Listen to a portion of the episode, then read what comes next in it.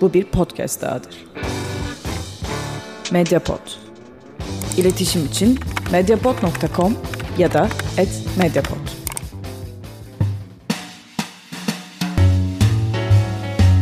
Hayatın denklemleriyle bilimin teorisi. Gayri safi fikirler.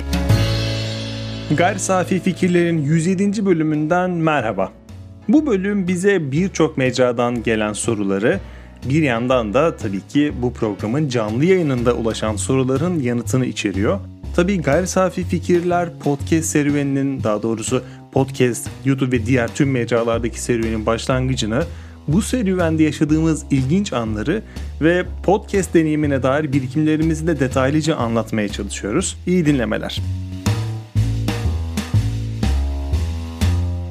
Ben Tansel Erdem Yılmaz. Ben Ömer Faykanlı. Bizler Gayri Safi Fikirler Podcast'inin sunucularıyız, yapımcılarıyız. Arka masada, ön masada olan iki kişi de biziz. 2017 yılında başladık Ömer Faykanlı'yla. Kendisi Ankara Üniversitesi'nde e, akademisyendir. Ben niye onu tanıtıyorum bilmiyorum ama e, ben kendimi tanıtayım. E, Tansel Erdem Yılmaz, e, bilim tarihi alanında doktora yapıyorum. Öncesinde yüksek lisans yapmıştım yine aynı alanda. Zaten Ömer Hoca ile de burada tanıştık. Kendisiyle 2016'da tanıştık ve e, bu projeden proje aklıma geldikten sonra direkt olarak kendisiyle konuştuk, bir şeyler yaptık. E, oralara tam girmeden önce ben bir topu size atayım. Yani evet aslında ben çok net hatırlıyorum. Bir gün öyle gelip o zamanki yani hala hitap tabii ki devam ediyor ama o zamanki hitapla ne hocam benim bir fikrim var böyle bir podcast düşünüyorum acaba e, yapabilir miyiz veya siz katkı vermek ister misiniz dediğinde benim aklıma birkaç bölümde herhalde benimle konuşur.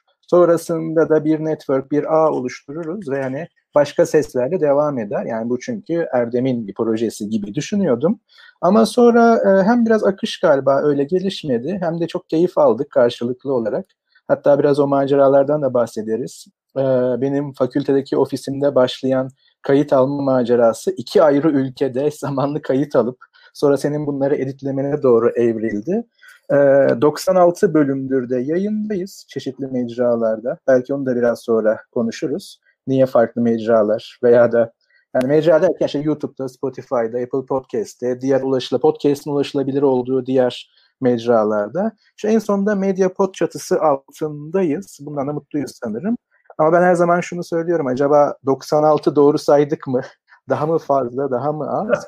Çünkü belki ufak bilgiler verebiliriz ilk kez bizimle karşılaşanlara. Ee, Yedinoğlu Amfi gibi ayrı bir serimiz de oldu. Sanırım 10-12 bölüm. 12 kayıt öyle var. Daha da artacak gibi görünüyor. Evet yani aslında biz yüzün üzerinde program yaptık ve sanırım podcast'in en önemli gerekliliklerinden biri olan tutarlılık ve devamlılığı sağladık. Hani henüz jübilede ufukta görünmüyor ne dersin? Valla en az 200 bölüm gibi düşünüyorum ben ki sonrasında belki e, farklı bir isimle yeniden e, başlarız. Çünkü dev bir arşiv oluyor. Bize ulaşan insanlar e, şey diyorlar. Başladık podcast'inizi dinlemeye. İşte şu an 5. bölümdeyiz diyor. Şimdi düşünüyorum aralıksız dinlese yaklaşık e, 15 gün falan sürecek ki aralıksız da dinleyemiyor insanlar. E, ancak bizim podcast'in başlangıcı ve başlangıcından önceki süreç çok farklıydı. Ben yaklaşık 2010 yılından beri podcast dinliyorum. İlk o zamanlar iPhone'um olduğunda bir podcast e, uygulaması vardı ve Türkiye'de çok nadir birkaç podcast vardı. Yabancı podcastleri dinliyordum. E, o yıllarda yine e, radyo programcılığına ve eğitimciliğine başladım. Radyo Hacettepe'de. Orada çalışırken zaten nasıl bir nasıl olur bu podcastler diye yolda gidip gelirken dinliyordum, notlar alıyordum. E, 2016 yılına kadar e, radyo programcılığı yaptım. Ancak bittikten sonra gerçekten o atmosferi özlediğimi hissettim ve bunu kendi ilgi alanlarım çerçevesinde nasıl yapabilirim diye düşündüm. Biz sanırım bu podcast bu podcast'a başladığımızda felsefe alanında maksimum birkaç podcast vardı. Doğru mu hatırlıyorum bilmiyorum ama belki düzenli değillerdi. Dört bölüm yapmışlardı. Zaten podcastlerin genel e, hayat hikayesi böyledir. Çok güzel sohbetimiz var diye başlanıp üçüncü bölümden sonra ya benim işim var sonra mı çeksek diye böyle bazı podcastler görürsünüz. Bir hafta bir ay düzenli başlamış sonraki bölümler 6 ay sonra gelmiş gibi. Onu yapmamak için acaba nasıl ilerleyebilir? Kendimize güzel bir takvimleme yapabilir miyiz diye düşündüm. Ve konu zaten belliydi benim kafamda. Bilim felsefesi ama öyle sıkıcı sohbetler olmasını da istemiyordum. O yüzden de zaten e, Ömer Hoca ile başladık bu işe. Yani e, belagati iyi olan biriyle bunu yapmam gerekiyordu ve felsefenin aslında çok kolay anlaşılabilir yönlerini yine çok kolay anlaşılabilir şekilde ifade etmek şarttı. Çünkü genellikle kolay anlaşılabilir olanları zorlaştırma yönünde e, Türk Akademisi'nde benim karşılaştığım bir problem var. Bunu yapmamak için acaba nasıl ilerleyebiliriz diye düşündük. Ve e, Ömer Hoca'ya esasen ben biraz ısrar ettim. Çünkü o e, bölümümüzde Remzi Demir vardı, profesör doktor. Kendisi e, bilim tarihi alanının e, duayenlerindendir. Doğru kavram bu değil ama beni affedin. Onunla mı denesen acaba o sanki doğru isim olabilir dedi ama e, benim kararım Ömer Hoca'dan yanaydı. Çünkü zaten teze de birlikte çalışıyorduk. Orada iyi bir şey çıkacağından emindim. E, zannediyorsam ilk üç bölümü, ilk dört bölümü e, Dil ve Tarih Coğrafya Fakültesinde kaydettik. Benim ufak bir mikrofonum vardı. Ben soruları soruyordum. Sonrasında Hoca'ya atıyordum ve e, ben bir süre kendime mute alıyordum, bekliyordum. Ardından e, ben yurt dışına gittim. Almanya'ya gittim. Eylül'de başlamıştık ilk sezona. Orada acaba biz bunu nasıl yaparız diye düşündük ve garip yöntemler keşfettik. Ayrı yerlerde kayıtlar alıp sonrasında FaceTime'dan görüşüp ayrı kayıtları birleştirme yönünde. Ve sonra fark ettim ki bizim dinleyenlerimizin çok büyük bir kısmı bizi hep aynı yerde zannediyormuş. 4 yıl boyunca. Evet, yani orada hatırlarsan zaten biz aslında şu şekilde yüz yüze konuşuyorduk. Sadece ben Türkiye'de başka bir cihaza kayıt alıyordum. Sen Almanya'da başka bir cihaza kayıt alıyordun. Ben sana dosyayı gönderiyordum. Sen bunları aslında birleştiriyordun. Yoksa hani ikimiz ayrı ayrı kapalı kapılar ardında konuşup bunları denk getirmiyorduk elbette ki. Ee, ama başlangıcında mesela ben şeyi söyleyebilirim. Hani bu bütün seriyi sanırım bizimki son oturum bu anlamda. Ee, ben de çok öncesinden aslında podcastleri dinliyormuşum ama onların podcast olduğunu bilmiyormuşum gibi bir durum vardı.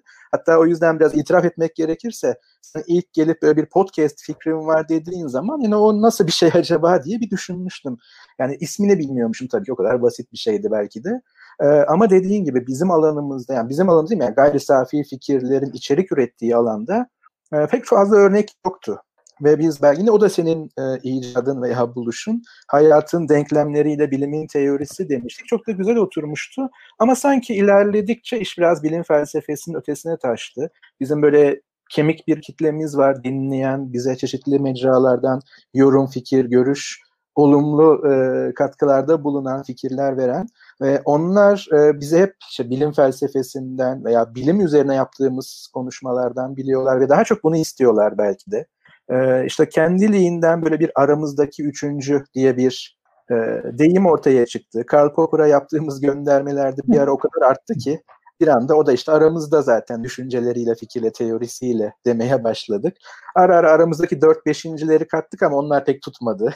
Hani böyle bir e, sanırım macera yaşadık ve hala yaşıyoruz. Ama işin neden bu kadar tutarlı gittiğini e, kendime bazen soruyorum. Çünkü yani çok çabuk bu bir mesaiye dönüştü. Sanırım diğer katılımcılar da benzer şeyler söylediler. Bir hobi gibi başlayıp yani her zaman böyle olmak zorunda değil. Bazen bir YouTube içeriği işte ses kaydının e, çeşitli yerlere aktarılmasıyla aynı zamanda bir podcast üretiyor veya doğuruyor. Ama biz direkt podcast başladık. Hatta sonra bir ara bir YouTube denedik. Yani görüntüye denedik. Ee, o hala tabii ki devam edecek. Hani buradan bizi bilenler veya ilk kez tanışanlar özellikle akademide ofis saati e, formatımız devam edecek. Ama biz oraya görüntülü podcast e, formatını taşımaya çalıştık. Ama çok çok sanırım memnun kalmadık biz de. Çünkü hem bizim iş yoğunluğumuzu fazlasıyla arttırıyordu. Bir de sanırım podcast'te ben şöyle bakıyorum. Bizim yaptığımız iş ve içerik bağlamında e, biz biraz böyle düşüncelerle işimiz var, fikirlerle işimiz var. İşte bunları temellendirmeye, bunları eleştirmeye çalışıyoruz. Ve sanırım bunun için işte podcast bir mecra. Ama mecra aynı zamanda mesajın etkili e, öğesi hatta bazen mesajın kendisi olabildiği için sanırım ses çok daha etkili. Çünkü sonuçta elbette çok detaylarına giremeyiz. Yoksa yine bir podcast bölümüne doğru gideriz ama düşünmek dediğimiz zihnimizin içindeki konuşmalar, diyaloglar. İşte biz oraya sesle, kendi seslerimizle konuk olduğumuzda işte podcast bize bu imkanı verdi. Hani hadi canım o kadarı da olmaz diyenler bile zihinlerinde bizleri münakaşaya girdiler. Ve belki bizim programlardan bilirler. Benim sıklıkla söylemeyi sevdiğim bunu kanıtlamanın zevkle e, isterim ve takip etmek isterim derim demeyi çok severim. Yani o iç monologları diyaloglara çevirebildik podcast sayesinde. Belki şey bir yandan da e, lafını bölüyorum. Şöyle bir durum vardı tam başka bir noktaya geçmeden önce. YouTube'da e, farklı beklentiler doğurabiliyorsunuz insanlarda. Yani kameranın karşısında bizi gördüklerinde sanki biz onları izliyormuşuz. Yani orada bir beklentimiz varmış gibi onu izlemek zorunda hissediyorlar. Bu yüzden de mesela bizim YouTube videolarımızın retention yani tutunma oranları podcastlerimizden daha düşük oldu. Çünkü iki adam size bakarak konuşuyor. Yani buradan ne çıkabilir? Ama eskiden TV şovlarında vardı. Her an her şey olabilir denirdi. Yani her an her şey olabilir diye insanlar bizi izliyor. Bir görsel bir şey çıkacak diye ama hiçbir zaman hiçbir şey olmuyor. Çünkü biz gerçekten orada bir sohbet ve insanlara sunacağımız bilgiyi tartışıyorduk. Bunun da en iyi mecrası oradaki elementlerden birini kısıp sadece seste kalmaktı. Yani belki daha farklı e, konuları işliyor olsaydık orada YouTube'un yani ses ve görüntünün birleşmesinin bir katkısı olabilirdi. Ancak bizim temel içeriğimiz biraz daha podcast'e uygun diye düşündük. Çünkü e, görüntü de her ne kadar kendinizi anlatabiliyor olsanız da ben seste çok daha derinleşebildiğini fark ettim bu tip konularda insanların ya da kendi adıma öyle. Çünkü biraz daha rahatsınız. Özellikle bu e, internette yayınlar yapan ve görüntü, ses, belki oyun oynayan, belki e, herhangi bir şey anlatan kişilerde de bunu çok sık duydum. Kamera kapalı olduğunda yaptıkları işe çok daha iyi odaklanıyorlar. Bizde de böyle bir etki olduğunu fark ettim. Ya belki bizim performansımızı da ciddi anlamda etkiliyordu kamera veya mikrofon ayrı ayrı. Ee, ama sanırım yani konuşan özellikle bizim konuştuğumuz konular üzerine konuşan iki kişiyi izlemek ve dinlemektense sanırım sadece dinlemek daha etkili. Ve tabii ki bunun e, bazı avantajlı yerleri var. Yani arabada giderken dinlenebiliyor, bir yere giderken toplu taşımada dinlenebiliyor, spor yaparken dinlenebiliyor. Yani her ne yaparken e, kulaklığınıza, şu kulağınıza bir kulaklık takabiliyorsanız biz oraya ulaşabiliyorduk. Oysa hani YouTube ve görüntü mecrası yani biraz daha şu sabitliği bir ekranı gerektiriyor en azından. O ekranın stabil olmasını gerektiriyor mümkün olduğu kadar. Yani belki bu tip şeylere biz çok ayak uyduramadık veya bizim içeriğimiz uygun değildi. Ha, öyle bir iddiamız da yoktu. Ama şöyle bir şey sanırım önemsiyorduk. Yani ulaşabildiğimiz her yerden ulaşmaya çalışalım. Ulaşabilirsek ne mutlu bize. Çünkü ilginçtir. Yani bu belki başka bir e, meta düzeyde analiz edilebilir podcast evreninde veya işte bu içerik üretim evreninde. Çünkü YouTube'da en çok e, takip edilen, tıklanan içeriklerimiz aslında bizim podcast kayıtlarımız. Yani toplama baktığımız zaman görüntülü içeriklerimiz değil. E, hani o yüzden sanırım e, bizim yerimiz doğru yer veya tesadüf ettik ki doğru yere. Valla bu konuda zaten gelen yorumlar da var. Hatta şu an e, YouTube üzerinden gelen bir yorum var. Podcast içeriğiniz sizleri görme dışında çok da görsellik içermediği için YouTube mecrasına pek ihtiyaç yok sanırım. Radyo dinlemek gibi. Zaten biz de kendi aramızda bu konuyu tartışırken biz e, yayınlarımızda da söylüyoruz. Radyo dinlemek gibi ilerliyoruz. Bir de e, bizim podcast'in serüvenine başlangıcından bu yana 96 bölüme, 4 koca sezona ve e, yaklaşık saatlerce, yüz, yüzlerce saate e, yayılmış konulara, belki e, yapılmış binlerce sayfa nota, yazılmış notlara baktığımız zaman ilk günden bugüne ben bu serüvende şunu anladım. Felsefe üzerine ya da felsefe çok geniş bir kavram ama bilgiyi içeren bir konuyu inceliyorsanız her zaman tetikte olmamız gerekiyor ve ilk bölümde çok tetikteydik. Yani söyleyeceğimiz şeyler kitapların sayfa sınırlarına taşmıyordu. Yani o sayfa sınırına taşmak ya da o bilgilerin sınırında gezinmekten çekiniyorduk. Çünkü söylediklerinizi yüzlerce kişi dinliyor. Sonra binlerce kişi dinlemeye başladı. Bir noktada 10, bin, 10 binden fazla takipçimiz oldu Spotify'da.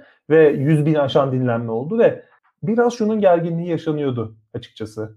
Ya biz bu insanlara yanlış bilgi veriyor olabilir miyiz? Bunun şüphesiyle birbirimizi çok sık düzelttik. Örneğin ben bir şeyler söylerdim. Ee, örneğin Kuhn ya da Popper herhangi bir e, filozofun söylediği şey alıntılardım. Ömer Hoca şöyle derdi. Onu şöyle revize edelim. Çünkü her zaman o revizeye ihtiyaç olurdu. Ancak birden 96'ya geldiğimizde biz artık yayıncılık deneyimini de çok daha iyi kazandığımız için ve yayıncılık pratiklerinde öğrendiğimiz için güncel konulara, daha tartışmalı görünebilecek konulara eldivenimizi giyerek sıkı sıkıya yaklaşabilmeyi öğrendik ve e, bir anda sohbet edilen, günlük konulara çok daha fazla değinen ancak bilim felsefesinin dinamiklerini de hiçbir zaman kaybetmeyen bir podcast olduk. Bu beni çok mutlu ediyor.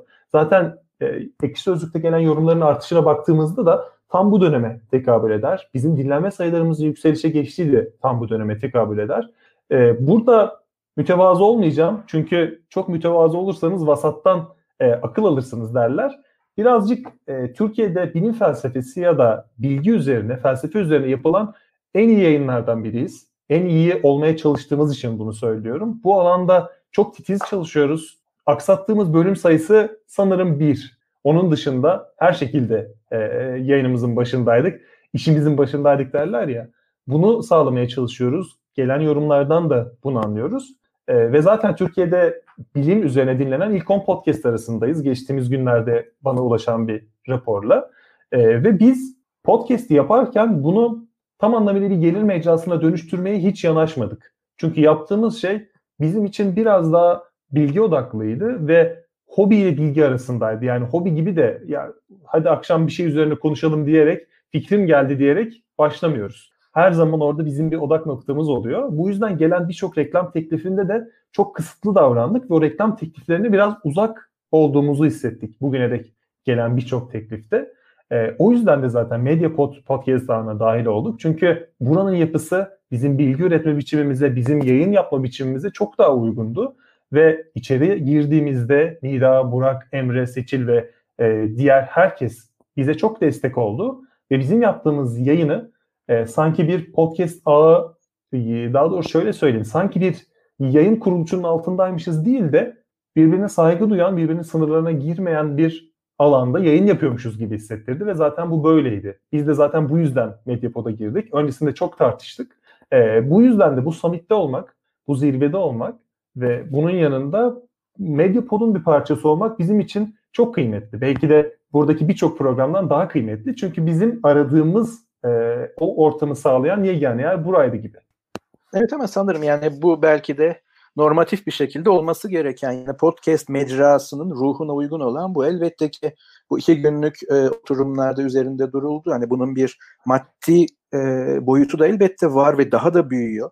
Yani zaten Batı'da var da artık bu Türkiye'ye de sirayet ediyor. Yani buradan para kazanmak ayıp değil, reklam almak ayıp değil. Hatta bunun peşinde koşmak e, yani podcast'in amatörlüğüyle çalışan bir şey değil. Çünkü podcast'in amatör olması gerekmiyor belki de. Ama gerekli olan şey şu tam da işte Mediapod'da sağlamaya çalışılan şey e, bir eş konumlar arası e, bir şekilde etkileşim veya da bir şekilde iş bölümü veya da dayanışma diyebiliriz. Hani herkes çok farklı konularda e, fikirlerini, bilgilerini paylaşıyor, sorularını soruyor veya şey o içerik her neyse onu üretiyor ve bunlar toplandığı zaman bir podcast evreni oluşturuyor, küçük alt evren oluşturuyor. Hani buna bir katkı elbette sunabilmek, yani katkı sunacağımız bir yerde olmak çok çok güzel. Ama son artık herhalde 10 dakika kadar bir şey kaldı. Biraz şeylerden bahsedelim istersen çünkü moderatörsüzüz. Bu da güzel bir şey işte bakın ne kadar özgürüz diye. Ee, yani yaşadığımız böyle ilginç şeyler. Benim aklıma ilk bir dışarıda kayıt alma denememiz geliyor. Bir kafede oturmamız ve arkadan kahve öğütme seslerinin tüm kayda sirayet etmesi, sinmesi geliyor. Senin aklına gelen bir şey var mı? Ee, yani benim aklıma gelen çok fazla şey var bununla ilgili ama bize yayında gelen bir övgü şu an e, beni çok mutlu etti. Bir yandan da bizim bu yayını yapmak için farkında olmadan e, insanlarda yetkin görülmemizin de herhalde sebebi buydu. Bizi dinlemelerinin sebebi de buydu. Yani e, bu konuları tartışabilecek insanlarmışız gibi düşündürmüşüz ve e, ecnebi fake it until you make it yani e, olana kadar öyleymiş gibi davranmaya devam et e, diyor. Herhalde insanlar bizi böyle gördükçe biz de kendimizi daha da yetkin görmeye başladık ve çok da keyifli olmaya başladı. Şimdi senin e, söylediğin şey e, bir manada podcast e, serüvenimize dair bir anı anıyı e, merak ediyorsun ki zaten bu da gelen e, gelebilecek sorulardan biriydi. Şöyle bir düşünüyorum benim aklıma bununla ilgili ne geliyor diye. Şu geliyor. Biz bir bölüm podcast'i özellikle de deneyle ilgili yaptığımız podcast'i tam 3 kez kaydettik. Ve bunun ilginç yanı ilk kayıttan bu yana, deney bölümünü tartıştığımız ilk kayıttan bu yana şunu söyledik. Bir deney yapıldıktan sonra onun tekrardan yapılabileceği ya da tekrarlanamayacağı e, her zaman e, şüphelidir. Bu şüphenin e, ardında kalmak da zaten bilimin en önemli özelliğidir. Yani sürekli şüphe etmek diye. Sonrasında bölüm kaydını alamadık. O halde az önce aldığımız kaydı yani yaptığımız deneyi ve deneyimi yeniden tekrarlayalım dedik. İkincisini aldık. İkincisinde çok şakacıydık tabii. Ya böyle böyle oldu nasıl olacak acaba bakın deneyi de konuşuyoruz dedik. Sonra bir baktık onu da kaydetmemişiz ve artık üçüncüsünde tekrar aldık ve şunu anladık. Biz ilk iki bölümü gerçekten konuştuk. Özellikle öncesinde yaptığımız e, toplantılarda da bunun üzerine konuşmuştuk. Ama gerçekten üzerine derinlemesine konuştuğumuz bir şeyi bile çok kolay tekrar edemedik. Ve bir anlamda deney bölümünü deneylendirmiş olduk. Benim e, podcast tarihimize dair, podcast tarihimiz deyince sanki böyle bir 600 yıllık tarihmiş gibi olabilir ama serüvenimize dair hatırladığım en ilginç ve e, anı denebilecek şey bu. Ama belki merak edenler için yöntemimizi paylaşalım. Yani biz e, Erdem'le beraber ön bir akış sadece belirliyoruz.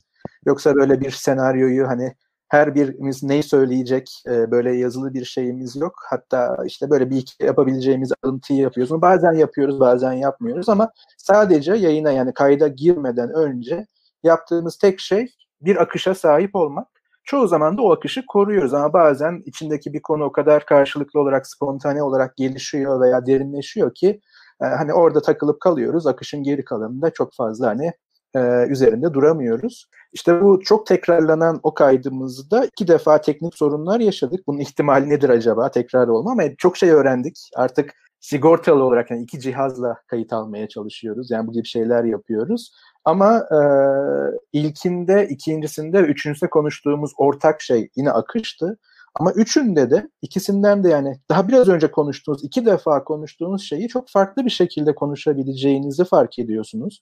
Çünkü biz eş zamanlı olarak Erdem'le aslında o fikirleri üretiyor veya da karşılaştırıyor hatta bazen çarpıştırıyoruz. Hani sonlara gelirken aslında bizim e, hemen hemen bütün programlarda genelde de benim tekrarladığım bir böyle mottomuz var. Çok bilinen bir tespitin biraz daha derinleştirilmiş hali bizim tarafımızda. O da şu bilginiz olmadan fikriniz olmasın diyoruz. Elbette ki fikirler bilmenin yollarını açarlar. Ancak bilgiyle ilişkileri olmadığında cehalet de bir fikir gibi görünür. Ve cehalet bir fikir gibi göründüğünde de çanlar birileri için çalmaya başlar. Aslında bizim yaptığımız podcast'in yani gayri safi fikirlerin belki çok çok küçük toplumsal boyutu da bu. Yani sesimizin ulaştığı herkese en azından bu farkındalığı kazandırmaya çalışıyoruz. Yapmaya çalıştığımız temel olarak insanların zihinlerine o seslerle girip yani bize karşı çıkın, bizim gibi düşünmeyin ama bunu temellendirmeye çalışın lütfen. Hani bize de bunu ulaştırın. Yani seve seve dinleriz. Ee, bunu yapabiliyorsak işte ufak bir toplumsal çıktı da veriyordur bizim eğlenerek yaptığımız bu iş. Eğlenerek yapıyoruz ama belki bu alanda podcast yapmak isteyenlere de bu serüvenden öğrendiklerimizi anlatmak iyi olabilir. Yani hem uzaktan kayıt almak çünkü çoğu insan şu an evinde olduğu için podcast'i nasıl yapacağız sorusu var. Hem de derinlikli konuları incelerken sıkıcı olmamak. Yani konuştuğunuz şeyin kağıtta yani kağıttan okuyorsanız bile onun kağıttan okunduğu hissini vermemek için belli başlı tiyolar verebiliriz. Çünkü e, biz yaklaşık 4 yıllık sen en azından şu an hocam 4 yıllık ben de neredeyse 10 yıllık e, bir yayıncıyım, yayıncıyız. E, artık bir insanın kağıttan okuduğunu çok rahat hissedebiliyoruz. Yani podcast olmasının önemi yok ve çoğunlukla bu biraz ciddiyet azalışına yol açıyor. Bu yüzden şöyle bir tavsiye verebilirim ben kendi adıma. Özellikle önce ilk kısma dönelim. Kayıt konusunda e, biz iki ayrı mikrofon kullanıyoruz. Boya M1 mikrofonları kullanıyoruz. Öncesinde farklı mikrofonlar kullandık ancak e, ses aralığının çok e, yeterli olması ve dış sesler uygunsa ses kalitesinin de e, görece diğer alternatiflerine göre iyi olması, üzerinde oynamaların rahat yapılması sebebiyle bu mikrofondan çok memnun kaldım. Tabii burada ses renginiz de önemli. Biz seçerken ona da dikkat ettik. E, iki ayrı mikrofondan iki ayrı cihazda kayıt alıyoruz. Bir yandan da kullandığımız telefonlardan karşılıklı kulaklıkla FaceTime görüşmesi yaparak e, sesin birbiri üzerine binmesini engelliyoruz. Bizim teknik olarak yaptığımız şey bu. E, bunu T cetvelinde dün Emre ile Kansu da anlatmıştı. Discord üzerinden de yapabiliyorsunuz. Discord'da yaptığınız zaman Discord kendi seslerini dengelediği için ya da biri konuşmadığında onu tamamen mute aldığı için orada çok daha rahat çözümler üretilebiliyor. Böyle iki alternatif var. İkincisi bir konuyu tartışırken ya da derinlemesine bir konuyu inceleyeceksiniz. Ee, bizim yaptığımız şey az önce e, Ömer Hoca'nın da bahsettiği gibi bir akış olması. Ancak bu akışı biz şöyle yapıyoruz. Başlangıçta ben bahsedeceğim konuyla ilgili bir cümle yazıyorum. Sonrasında sorabileceğim olası soruyla ilgili birkaç kelime ya da cümle yazıyorum. Bir cümleyi çok geçirmiyoruz.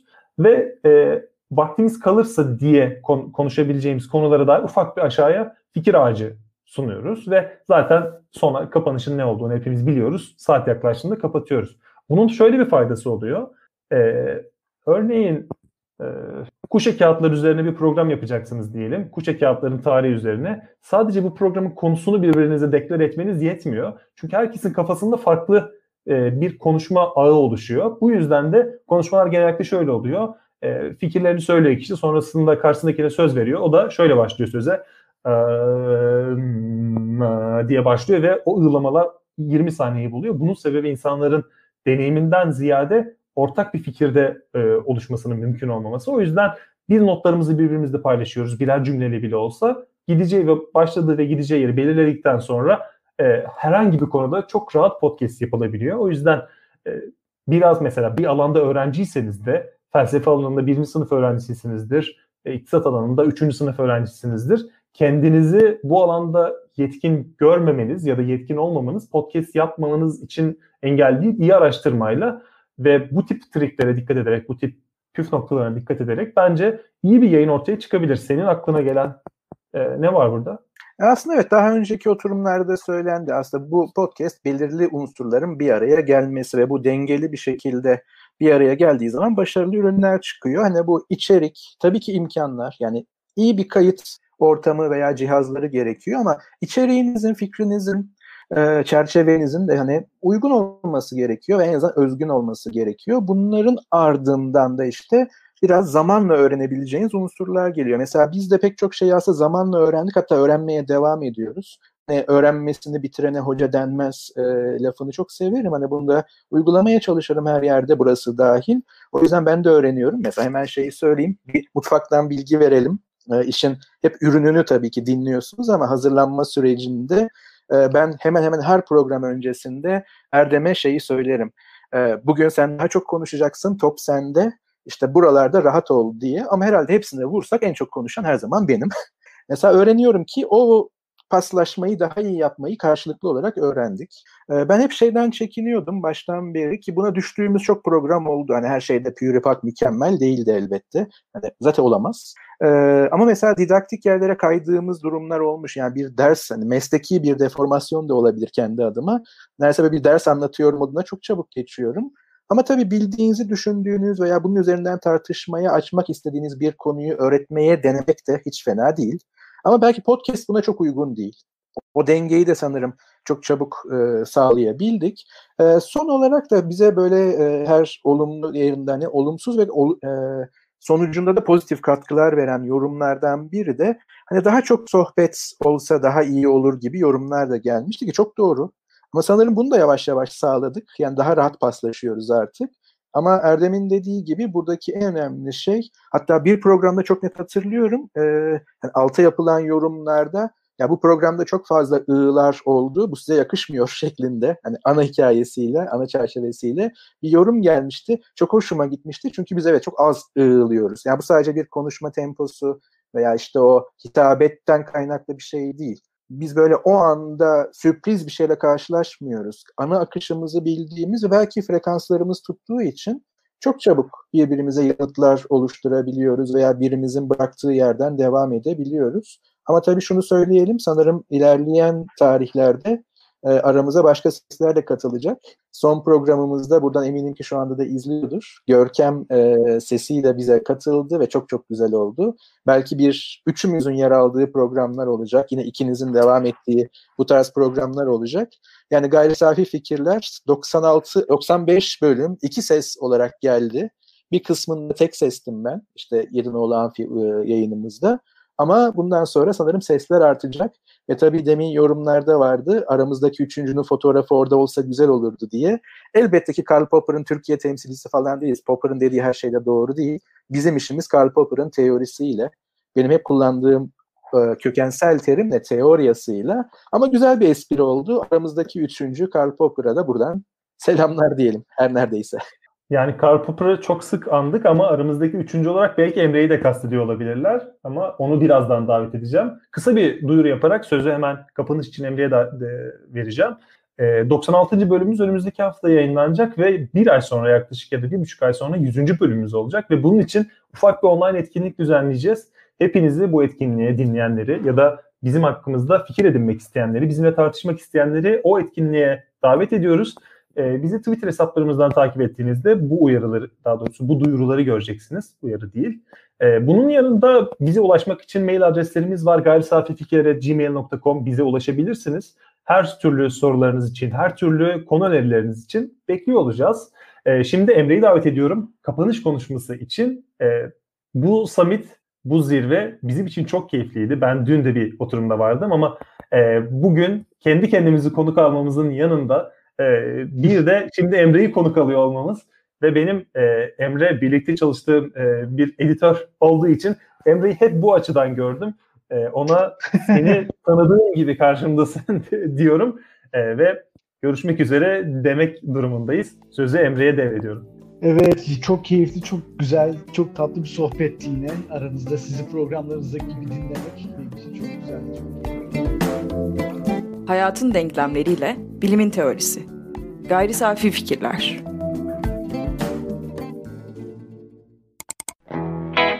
Medyapod'un podcastlerine Spotify, Google Podcast, iTunes ve Spreaker üzerinden ulaşabilirsiniz.